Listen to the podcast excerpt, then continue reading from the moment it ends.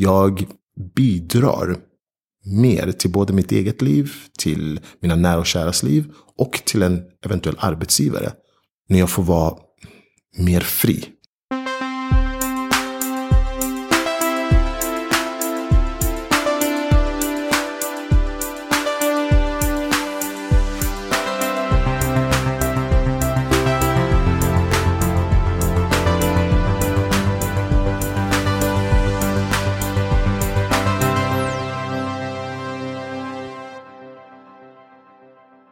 Hjärtligt välkommen till eh, podcasten som heter Heja Framtiden. Med mig Christian von Essen. Jag eh, sitter på min kitchen studio.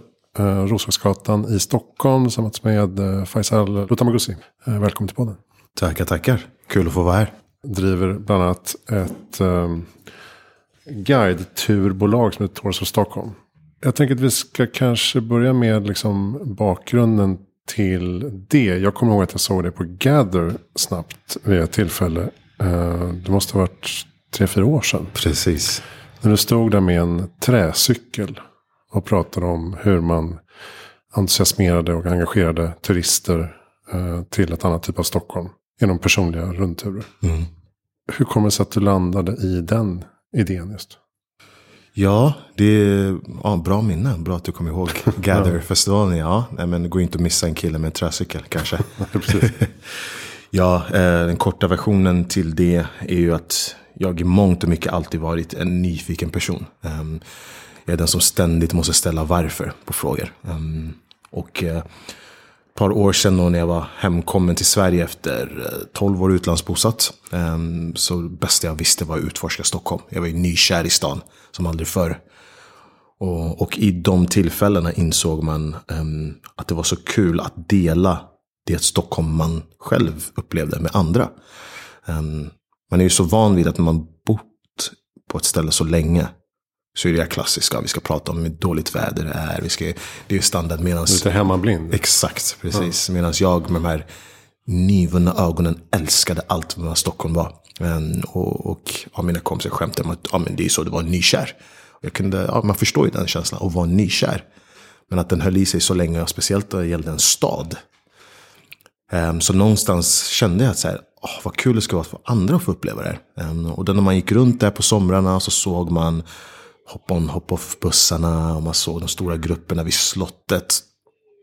Och då undrade man så här, okej, okay, de, de, får faktan av Stockholm. Aha, vilket år var blodbadet? Och den, det, det, det får de. Och Vasamuseet och vad som hände med det skeppet. Så man lyssnade in och såg. Men jag tyckte alltid att det fattades någonting. Ehm, och jag kände, undrar hur det skulle vara för dem att få uppleva Stockholm som en stockholmare. Alltså, känslan jag var ute efter var att ponera att du åker till en stad så springer du på någon. Du kanske frågar om vägbeskrivning. Och den personen visar sig vara jätteskön i energi. Och så slutar ni spendera dagen tillsammans. Och den tar dig till några små fik eller små butiker de hänger på. Det var känslan jag var ute efter. Att andra skulle få uppleva. För det var lite så jag kände om Stockholm. Så där någonstans började då äventyret som sen har blivit Tours of Stockholm. Eh, att jag skulle visa upp det Stockholm jag var så kär i. Ehm, och till min egen förvåning, men ändå inte, så funkade det.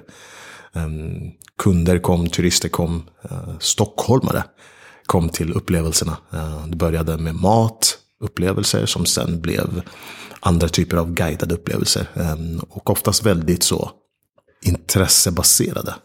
Det var att säga, okej, okay, uh, yoga, det är någonting jag jättegärna utforskar just nu i mitt liv. Och jag sa, ah, kan man ha en yoga-tour av Stockholm? Absolut, varför inte?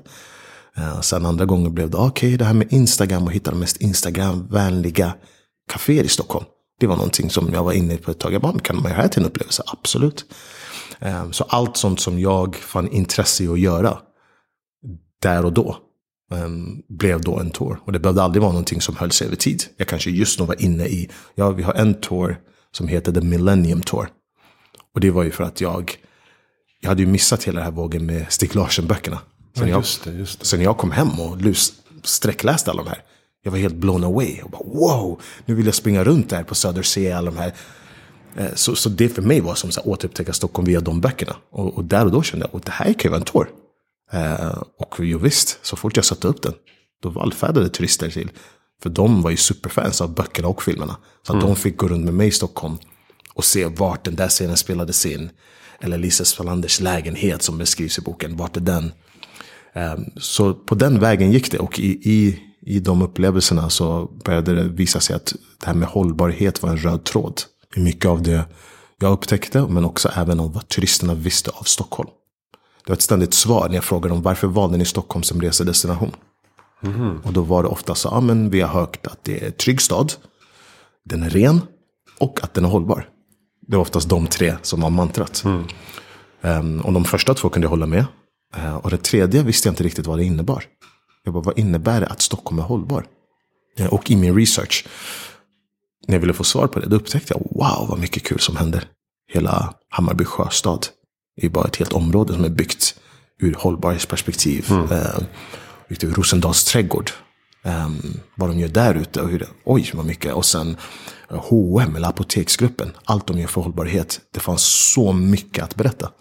Um, och det är det här jag ville berätta om Stockholm ute till folk kring hållbarhet. Nu borde man kunna ha så här Unicorn Tour eller Startup Tour. Alltså kolla på så här, här var första Spotify-kontoret. Ja men verkligen, ja, det, där sa du ju någonting. Exakt den typen. Exakt, just det var Silicon Valley. Mm. Det, det, är lite det det är känt för internationellt. Så om man då, mm. på samma sätt som just kanske Silicon Valley är ju kända och folk tar bussar dit och ser sig omkring. Eh, och jag märkte, det är lite som allt som är intressebaserat och att folk gör det till en business har alltid fascinerat mig. Att man börjar i så kallad fel ända. Snarare att göra en marknadsföringsplan och vad man ska dra in pengar. Utan man tänker, jag älskar det här. Och då, man kan ju dra de parallellerna till när du åker till LA. Så har du de här se superstar bussturerna. Man åker runt och säger, där bor Mel Gibson, där bor Schwarzenegger.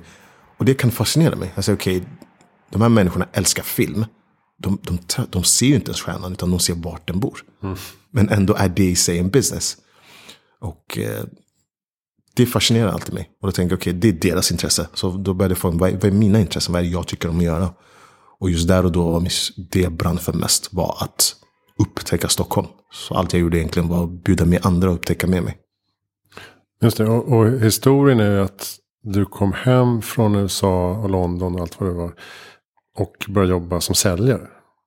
Eh, hemma i Stockholm. Eller jobbade på DN? Jag jobbade på Dagens Nyheter, precis. Ja. Inte som säljare utan det var marknadsföring. Ja, förlåt. På marknadsföringsavdelningen, mm. ja. Mm. Och, eh, och redan då började inse igen då att det började klia. Verkligen. Jag, jag märkte ju att ehm, um, hur, hur jag än vred och vände på det.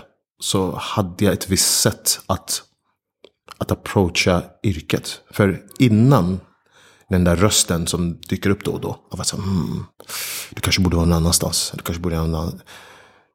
När jag bodde i USA och i London så brukar jag alltid attribuera den till att jag inte var hemma. Jag var inte på hemmaplan. Jag sa absolut. New York är kul.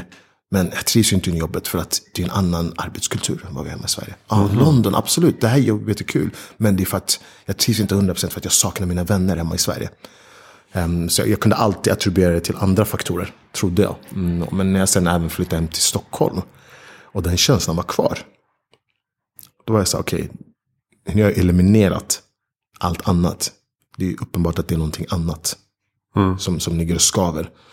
Och um, ju mer jag började gräva i det så insåg jag att jag bidrar mer till både mitt eget liv, till mina nära och käras liv och till en eventuell arbetsgivare när jag får vara mer fri. Eh, det, det låter nu konstigt att ja, ju mindre struktur och regler det är kring mig, ju effektivare är jag. Ehm, konstigt nog. Ehm, för det är ju de här spontanmötena eller spontandiskussionerna jag går igång. Ehm, Medan jag är fullt medveten om att jag har vänner och kollegor som behöver struktur i sitt liv för att veta vad de håller på med. Medan jag går åt andra hållet. Jag älskar känslan och tanken, eller ja, men känslan speciellt, att jag inte vet vad jag ska göra när jag vaknar på morgonen. Jag har inte den blekaste aningen. Det är de ytorna jag får ut mest av dagen faktiskt. Mm. Jag menar, och det var därför jag tyckte det var väldigt spännande. Just det här. Att leta i sin passion som första prio. Mm. Istället för hela tiden för att det är så lätt för människor att säga att det där kommer aldrig gå. Det finns ingen affärsplan. Vad har du för finansiering? Vad är marknadsbudgeten? När man inte ens har testat. liksom. Och vi pratade lite innan också hur jag tänker kring, kring mitt projekt. Och det är, det är just det här, bara dra igång med någonting, se vad som händer. Hitta en ny milstolpe, ja då kommer jag dit. Och så ser jag vad som händer. Ja men jag en ny milstolpe längre bort. Och så ser man vad som händer. Sen kanske det lönar sig i längden, men jag vet ju inte. Nej. Alltså, jag måste ju bara testa eftersom det gnager i huvudet på mig. Annars blir jag olycklig. Och det var här jag tänkte, tyckte var intressant också apropå framtiden och hur man skapar den. Och att vi måste lära oss att hitta, hitta de här drömmarna och passionerna och eh, våga. Ja, och, eh, när det kommer till just framtiden. eh, Både man tänker sin egen immediate och sen eventuella avkommor och sen ännu längre, vi kollar decennier och så. Och, och då tänker man ju oftast på de banorna. Och vad jag har insett, det är ju snarare att försöka simplifiera det så mycket som möjligt. Ehm, och det brukar jag oftast göra genom att titta på barn eller djur. Ehm, att de, de är så duktiga och bekväma på att leva i en vardag utan brus. Alltså att de gör det som man lever för stunden eller dagen. Ehm, och det var där någonstans för mig paletten föll på plats. Av att, okay, att titta framåt egentligen. Att titta i mer detalj i det vardag. För jag, jag, jag kände igen känslan när jag väl var så här, nu gör jag det jag ska. Och vad, vad innebar det? Vad innebär att göra det du ska? Jo, jag insåg att när jag kollar på barn, när de leker, att så här, ena timmen är de brandman och det är det roligaste de vet. Och då ränner de runt i en lägenhet och är brandman och de kan, har aldrig haft så kul. Så vilar de lite och sen, oj, eh, nu ska jag vara du vet, sjuksköterska. Och så är det det som är det roligaste som finns. Att bara få äta tempen på det. Ah, och så har de hur underbart kul som helst. Och därefter hittar de någon bild. och så ska de leka med den. Och så kan man titta på ett barn över en två dagars period. Och så har det här barnet hunnit vara ja, men fem, sex olika yrken. Om du vill. Eller intressen eller ja, vad det nu kan vara. Att man har då, och varje en av dem har varit hur kul som helst. Ja, men nu ska jag vara korvgubbe. Och så ska man trycka ut ett korv efter korv. Och, så här, ingen måtta på det. Och där i någonstans insåg jag för mig att där ju ligger det. Att ju äldre vi blir så måste vi någonstans skära bort en massa intressen. Medan när man är yngre då, då är det okej att ha många intressen. Det är okej för vi brukar alltid associera med det är bra för utvecklingen. Att göra mycket. Right? Att man brukar säga så. Men, när barn är unga, det är bra att de får testa olika sporter. Ja, de ska, det ska vara konst och pärlplattor och lera Exakt. och musik och jättespännande. Tills det inte är det längre. Nu får ni inte hålla på med det. Precis. Nu ska det vara seriöst och strukturerat. Precis. Och någonstans bara, skiljelinjen. Vad, vad hände? Exakt. Och, och där var den stora lärdomen för mig. Mm. Av att så här, ja, någonstans sker ett skifte där. Men, och då började jag gräva så men varför sker det skiftet? Och om jag nu i vuxen ålder försöker vrida tillbaka där. Och gå tillbaka till det där att okej, om jag vaknar en dag. Gå bara efter magkänslan. Vad känner du för att göra idag? Känner jag av att vara den här seriösa eh, men företagaren som ska, då, då är det exakt så jag känner den dagen. Då är det på med kostymen och slipsen och jag känner jag är amazing. Och nästa dag är det bara, nu ska jag bara vara kreativ. Nu ska jag nörda ner mig i hur man bygger en träcykel. Trots att jag har, den enda referensen jag har är ju på träslöjden. Alltså det, det är en experience jag någonsin haft. Och nästa gång därpå så ska jag så, jag märkte ju att så här, ja, jag är ofta sämst på alla de grejerna jag åtagit mig. Men ändå så gick det att alltid, varje gång för mig var det lite som att ah, det går någonstans att påvisa på omsättning. Om vi nu ska prata i de termerna av att visst omsättning är bra för att frigöra sin tid. Men det kunde, jag kunde alltid påvisa det i de mest banala av aktiviteter. Um, och jag brukar alltid skämta om att på Tours of Stockholm finns idag tours som jag personligen aldrig skulle betala för. Eh, Och det är paradoxen i det. Att jag erbjuder idag tours som folk betalar för som jag personligen aldrig i mitt liv, Men känner du att det, är, att det skaver? inte alls. Utan där är återigen gå tillbaka till min fascination av att säga, ja, jag satte upp en joggingtour. Det är en av de mest, jag har aldrig förstått logiken i varför någon skulle betala mig för att gå ut och jogga. Men ändå Jogga i grupp. Ja men precis. Och då tänkte jag okej. vad är aktionen här? Du vaknar, sätter på lite snö på dig i skor och så går du ut och springer. Jag skulle, oavsett vart jag än är, vill jag göra det så gör jag det. Men att andra ändå vill det. Så det är inte så att det skaver i mig. För då blir jag en... Jag är för frågvis för att inte undra. Det är inte tal om att kränga en produkt.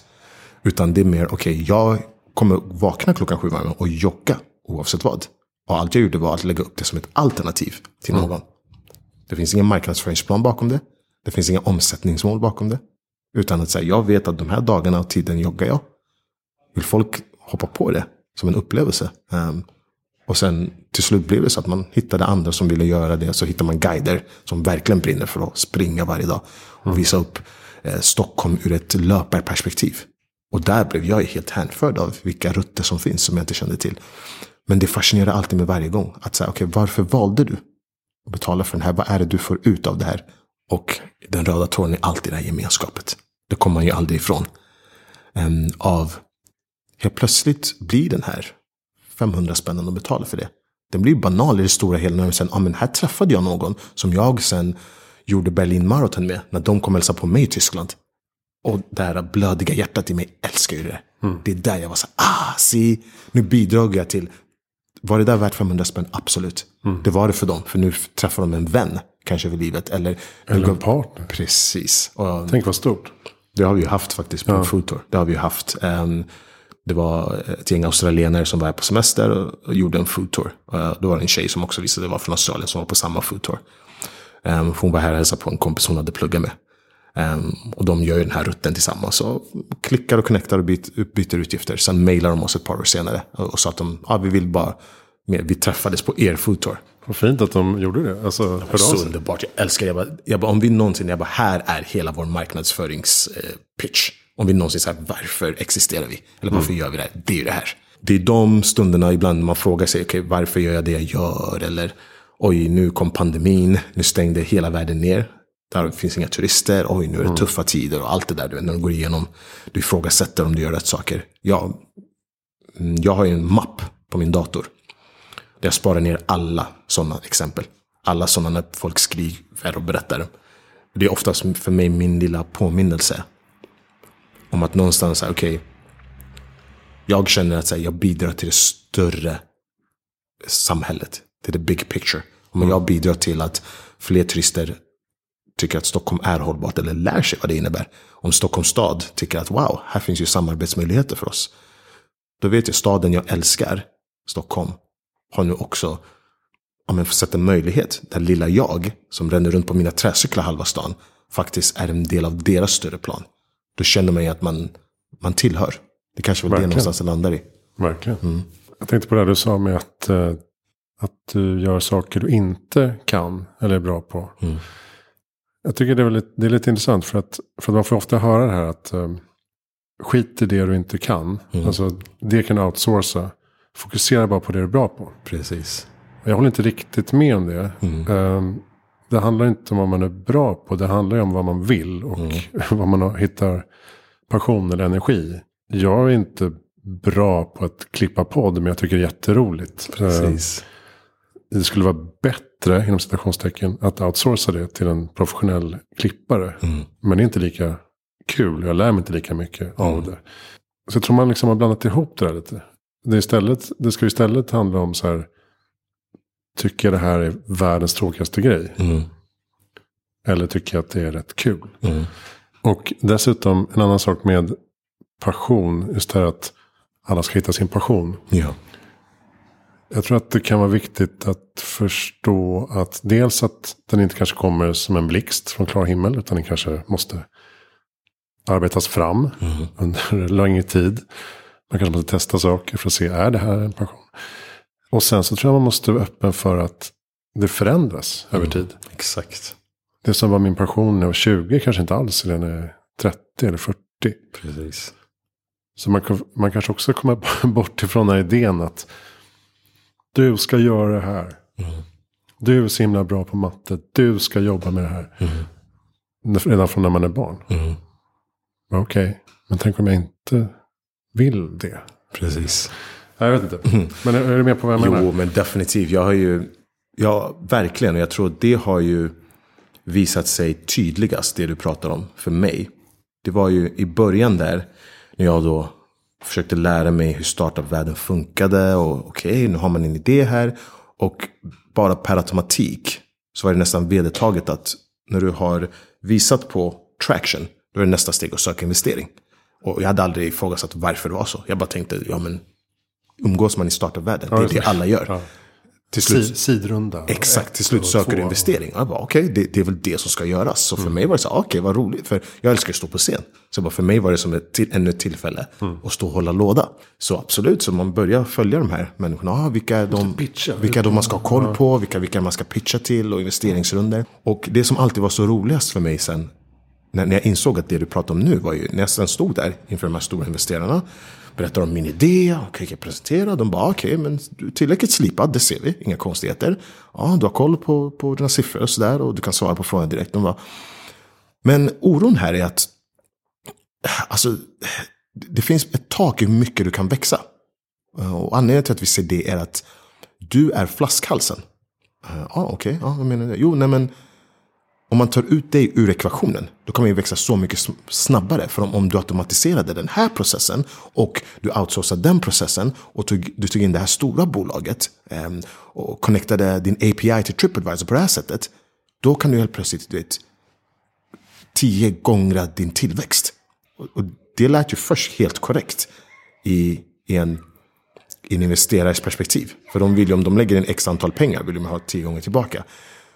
Men när jag gick ut därifrån oftast tänkte jag så här, jag är flaskhalsen. Absolut, det har ni ju rätt i. Att jag står i vägen för min egen Nej, det är liksom tillväxt. flaskhals. Jag bara, men det är ju hela poängen. Jag gjorde ju det här så att jag skulle vara sämst på att vara den som yogar. Så att jag i processen kan lära mig. Jag gjorde ju det här just för att jag, jag är själva uspen och flaskhalsen samtidigt. If that makes sense. För det här var ju fött ur personliga intressen. Ehm, och det var aldrig riktigt visionen av att det skulle bli ett fungerande bolag var aldrig där. Ehm, så för mig var det alltid okej, men om jag tar ut mig själv, absolut. Och då som du säger, får in lite extern kapital och det växer till sig. Vad, vad, vad är syftet med mig då i det där? Nej, precis. Nej, då kan jag, och då tänker jag, men då, då tar du de pengarna och sen går du och gör någonting annat. Och sen, så jag, jag är inte till, jag är fullt förståelig på hur det funkar ur det perspektivet. Men det var alltid en sån rolig slutsats för mig. Ja, men det ska alltid vara skalbart. Det är det. Precis, där har vi det. Jag gick ju på en, jag pluggade i Singapore, eh, vi kan återkomma till det, men tror jag gick på ens entreprenörsföreläsning. Mm. Och de började med att säga, well you know, you should think like McDonalds, you know, global franchise, worldwide. Jag bara, va? Varför måste man tänka på McDonalds? Vara entreprenör? Kan man inte starta en butik, ett café? Det får man liksom inte. Nej, nej, nej. nej, nej, nej du måste tänka globalt. Exakt. Bara fast jag är inte riktigt den typen, jag vet inte, av entreprenör kanske. Jag gick också en, en, en workshop med Seth Godin som är så här marknadsföringsguru. Jag trodde det var typ en eftermiddag, men det visade sig att så här, välkommen till eh, 100 dagar av eh, community.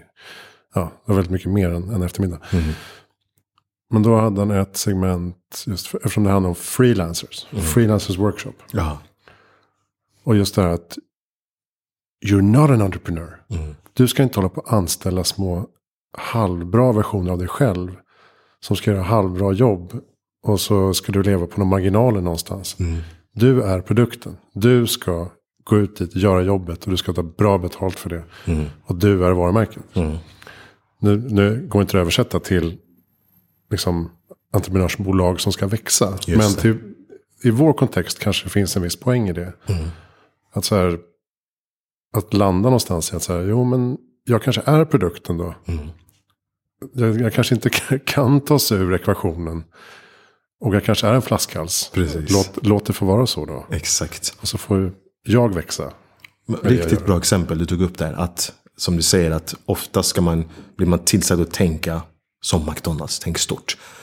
Men det är nästan som att då man ska någonstans bli införstådd med att framgång kan bara uppnås på ett sätt. När du är ett multibiljardärföretag som finns i 500 länder och hela den biten. Men jag är ju så medveten om att jag ser ju framgång i så många små rörelser också. Och ett riktigt praktiskt exempel är bageriet Lillebrors bageri. Vasastan på Rörstrandsgatan. Okej. Eh, har ni inte varit där någon gång, gå förbi där. Ehm, bara, bara för att titta på det. iaktta först hur det ser ut. Så det är ett jättelitet bageri. Rörstrandsgatan, inskjutet så här, mellan två. Och eh, det är alltid kö där utanför. Speciellt nu vi pratar semmeltider. Går du dit nu så kommer du garanterat se en kö som kringlar sig runt hörnet. Um, jag gick in där, smakade deras bakverk, älskar dem. Och det är kryplitet, finns inga sittplatser. Ingenting, utan du, du tar det och så går du bara. Och eh, vid de tillfällen jag var där så hör man ju precis den dialogen pågå från folk som står där och tänker kan du tänka dig hur mycket mer de skulle kunna dra in? Om de bara smattrade upp lite sittplatser, öppnar upp här. Varför är det så litet? Och... Varför finns de inte i Umeå? Nej men ja, exakt. Varför, ja, och, och, sen, ja, och nu har de öppnat upp en lite större lokal bredvid. Men återigen, inga sittplatser. Det är verkligen så här, det är en större, ett större kök nu. Och de tänkte så, men varför la ni tid på större kök? Och, och någonstans här, så lyssnade jag in på han eh, killen som driver det. Han pratade med några som bor där och pratade med honom. Och, och där i någonstans fattade jag att det, det är han igen som är flaskhalsen slash hela uspen. Mm. Att hans, hela hans energi, värn, han värnar ju bara alltså om så här, hur gör jag bakverken. Och jag minns att jag hörde in honom, då sa han så här, jaha, hur ser en veckomenü ut? Han bara, inte vet jag. Utan han var på väg till bageriet så kanske jag går förbi några hallon. Och tänker, wow, de här ska jag ha något kul av. Och så är det någon hallonkaka på menyn. Mm. Och för mig var det så uppfriskande att se och höra idag 2022 att det finns, det finns företag som drivs på det sättet. Att man verkligen ska baka det man känner för just den dagen. Att det inte finns någon bigger picture eller ja, men, smattra upp fler stolar så att folk kan äta mer och sitta kvar här. Alltså, mm. Det är ju inte mitt mål. Men det, det är intressant, det har inte stoppat köerna från att ringa långa. Nej, precis. Utan kvaliteten är fortfarande så pass bra att folk kommer dit och ställer sig i kön. Alla vet vad köer betyder. Exakt. När det gäller mat.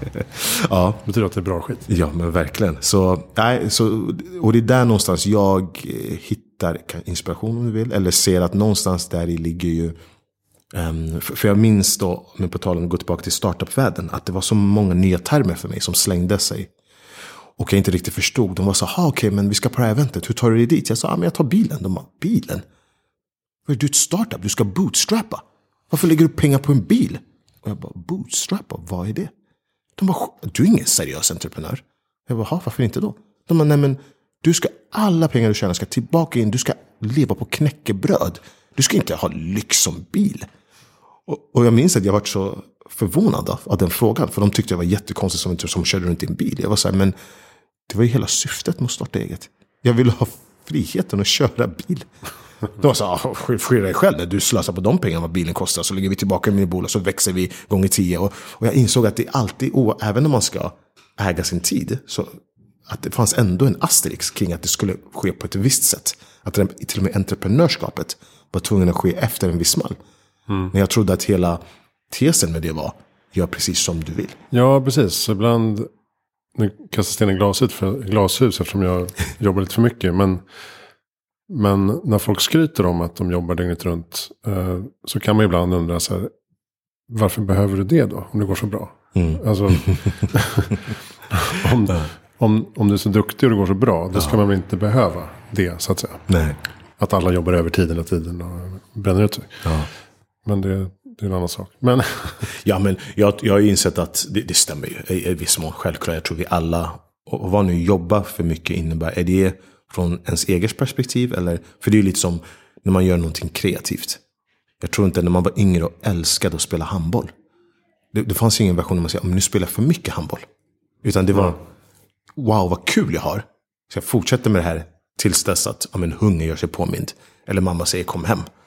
Um, och då någonstans, det är lite samma där också. Att, som du säger, det finns ett sätt, okej okay, nu jobbar jag för mycket för att jag vill. Och sen finns det något, jag gör det här för att jag tycker det är kul. Och så rider, tiden rinner iväg. Mm. Eh, man någonstans tappar kontroll över tid och rum. Det är för mig en helt annan känsla.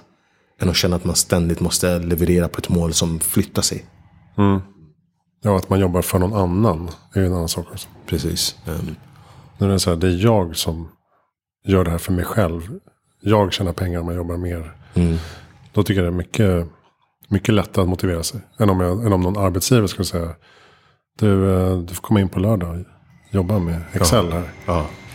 Så betydligt mindre sugen.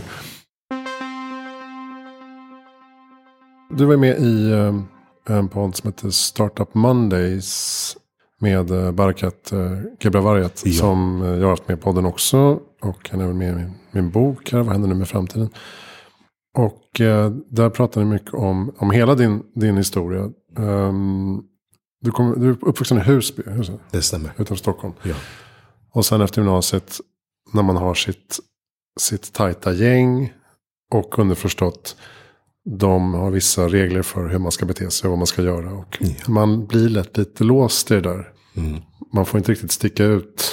Precis. Men du kan inte komma till ditt gäng plötsligt med en hatt. Nej. För då tycker de så här, vad fan har du en hatt för? Precis. Om du förstår vad jag menar. Ja, exakt. exakt så.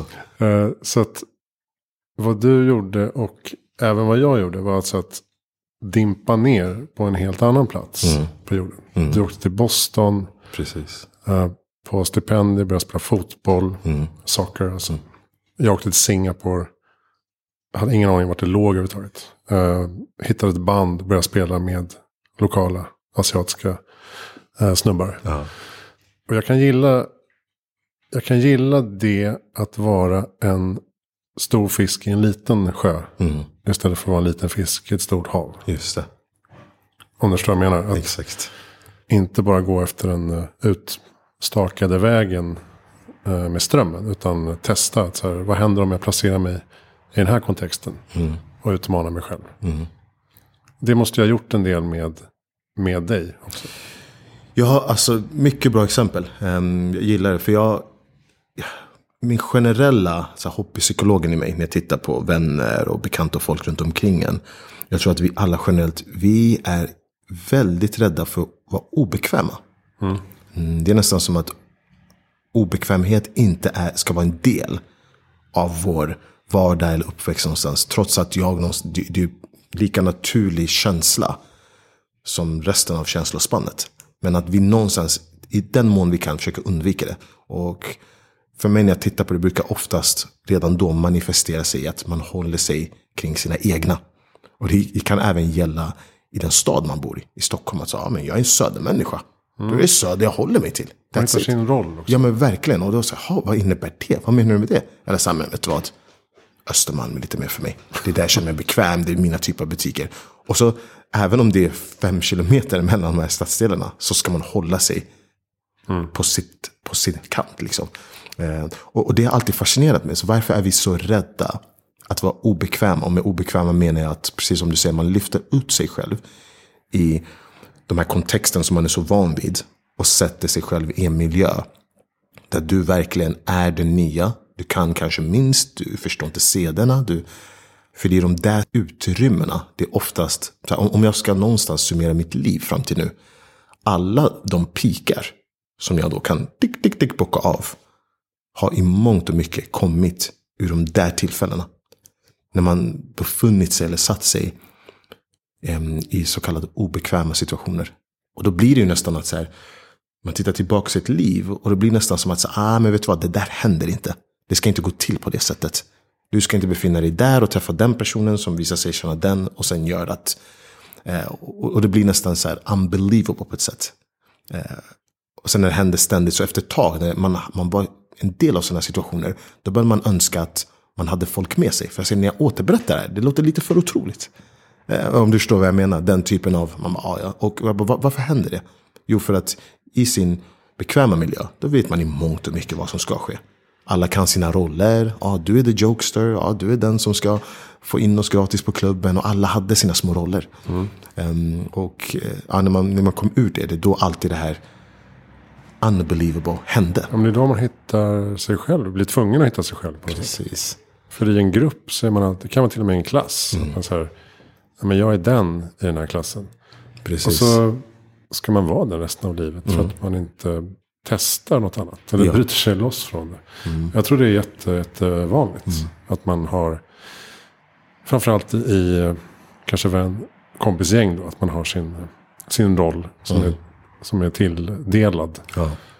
Och eh, spelar ingen roll vad man gör. Spelar roll att man är bank-vd. Man är fortfarande han som ska vara rolig. ja, Eller men verkligen. bli för full. Exakt. Ja. Jo, men man, oftast hade man vissa kompiskretsar. Då var man ju den som var den alla vände sig till. Så i varje situation. Ja, man behöver be om någonting. Då, men Faisal gillar ju att prata. Då, utan att säga det, då vänder alla sig och kollar på en. För man vet att man är den som ska ta ton. I andra situationer var man den som skulle. Så man märkte alltid, okej okay, det finns alltid förutsagda roller. Som gruppen förväntar sig att du ska ta. Och du är en själv.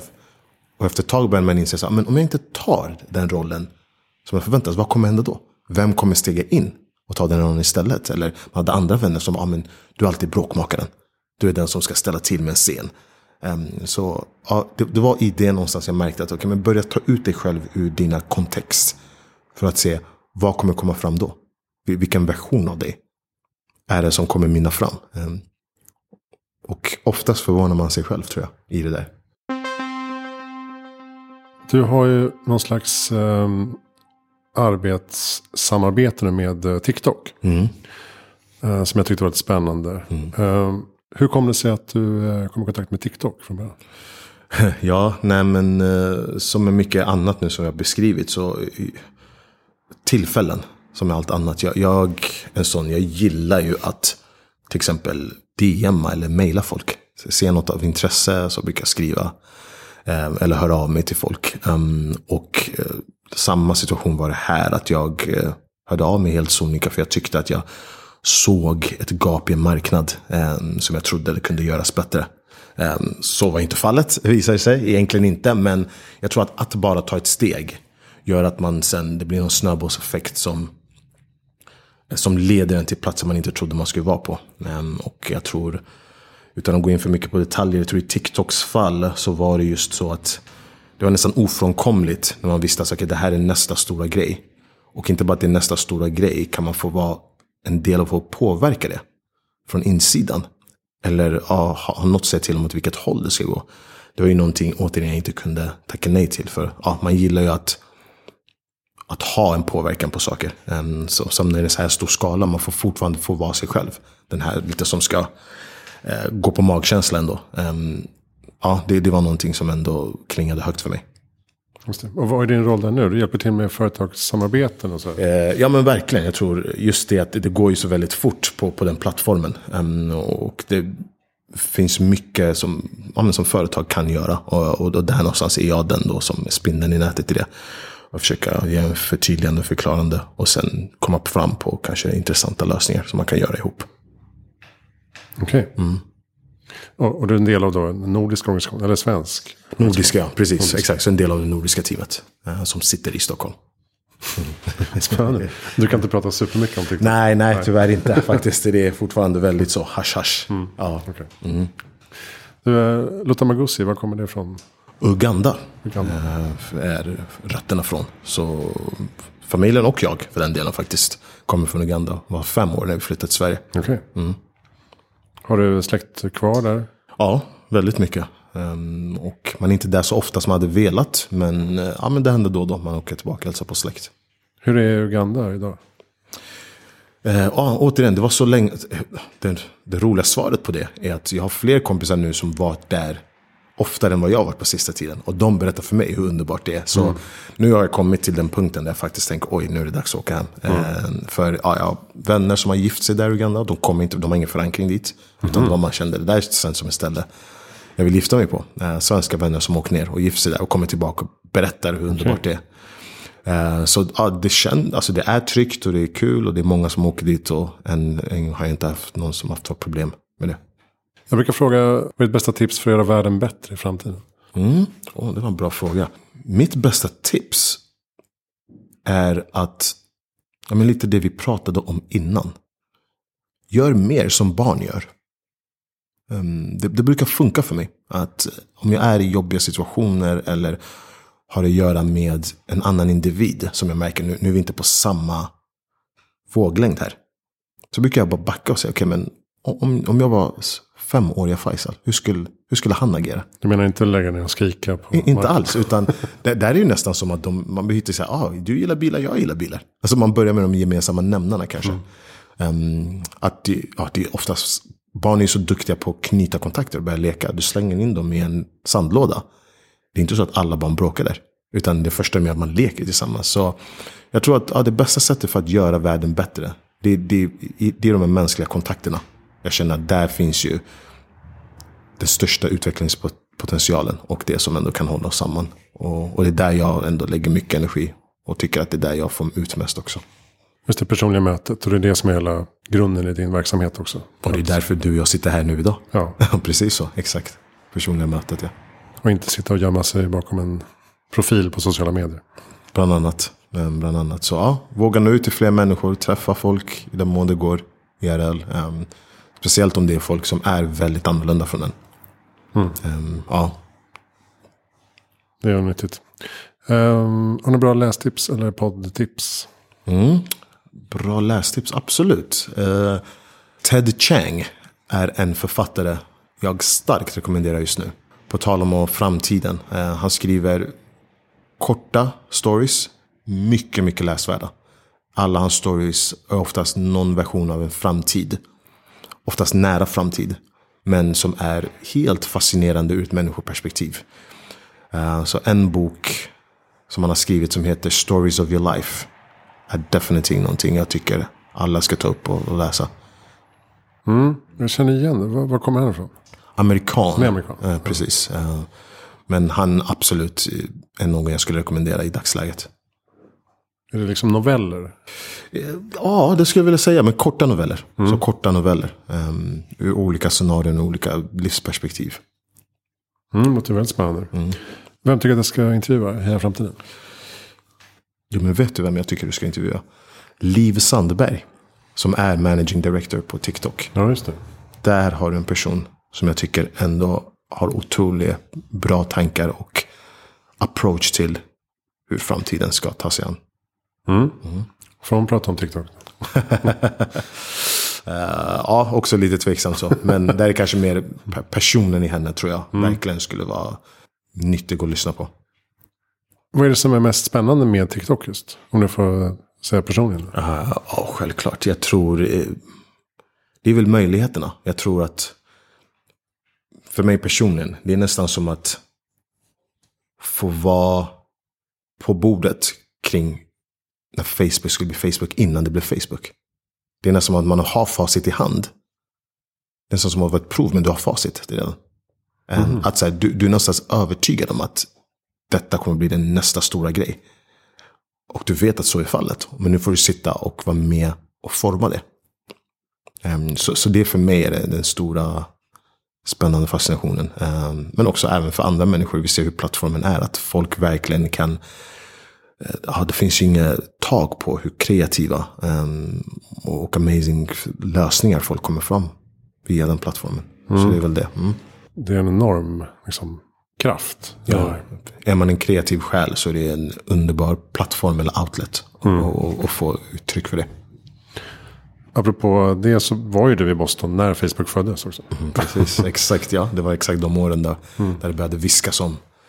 Um, det var ju bara en skolapp på den tiden. Alltså ja, det var ju vissa skolor som hade Facebook. Exakt. Och man, ens universitet mättes i popularitet baserat på om man, om man var en del av det Facebook eller inte. Mm. Så, så det är nästan fascinerande, så gammal är man. Men att man ändå var där och såg hur någonting som var så här, oh, det viskades om i Bostonområdet. Att ah, din skola Facebook. Exakt. Till att sen, ja, är det vad det är. Där. Så det är lite det jag menar. Om att så här, för att då redan där då veta att det här kommer ta fart. Och nu är jag en del av det. Det är lite den känslan jag har nu. Mm. Mm. Mm. Coolt. Uh, vi ska avrunda där. Tack snälla Faisal Rotamagusi. Ja, för tack för att du fick komma. Uh, och lycka till vidare. Uh, vad har vi? Toursofstockholm.com? .com ja. Mm. Mm. Och där finns det då 20-30 olika turer man kan Precis, så om ni gillar yoga eller hållbara turer eller millenniumböckerna för den delen. Så hittar ni upplevelser på den sidan där. Mm. Mm. Perfekt. Lycka till vidare med allt du företar dig. Um, Heframtiden.se, där har du allting om uh, poddens tidigare gäster och uh, mina böcker, magasin, föreläsningar och så vidare. Uh, köp också boken som heter Nu fattar jag, som jag skrev tillsammans med Henrik Smollak här under hösten 2021 kom den. Um, boken som hjälper dig förstå vår digitala samtid och framtid. Jag heter Christian von Essen. Tack för att du lyssnade.